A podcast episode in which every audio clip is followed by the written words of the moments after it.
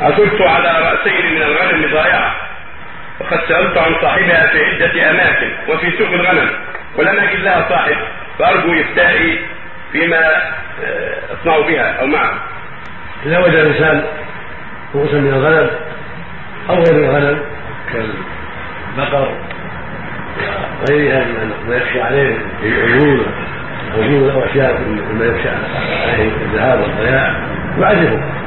يعرفه ساعة كاملة.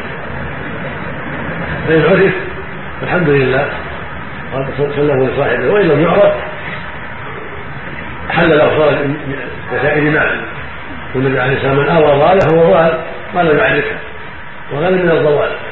أما البقر والإبل هذه تحمل نفسها لا لا حاجة إلى أن يتولى أو يقبضها بل تطرح في الصحراء.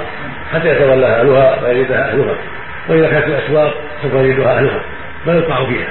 أما الغنم فينبغي له أن يعرفها سنة كاملة وهكذا ما كان من جنس الغنم من الحيوانات الصغيرة التي يخشى عليها الموت أو تلاعب بها أو نحو ذلك فإنه يعرفها أيضا. الحاصل أنه يعرفها سنة كاملة فإن عرفت وإلا فهي له والأجرة على الصحيح تكون عليه.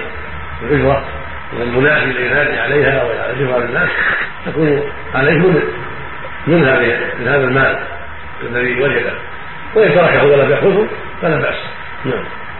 وأحد الأخوة ما زال يسأل أن الميكروفون خارج المسجد لا يسمع ويتمنى أو يرجو أن يكون خارج المسجد الميكروفون يسمعه الناس. ولكني أنسى إن شاء الله اكتب الان الصلاة إن شاء الله أنسى. انه ذكرت كم مرة قلت بعضهم ولكن ينسى ولا أظن. اظنهم ينسون كما ننسى. لكن الله يعيدها. هل يجوز استلام العادة؟ طيب.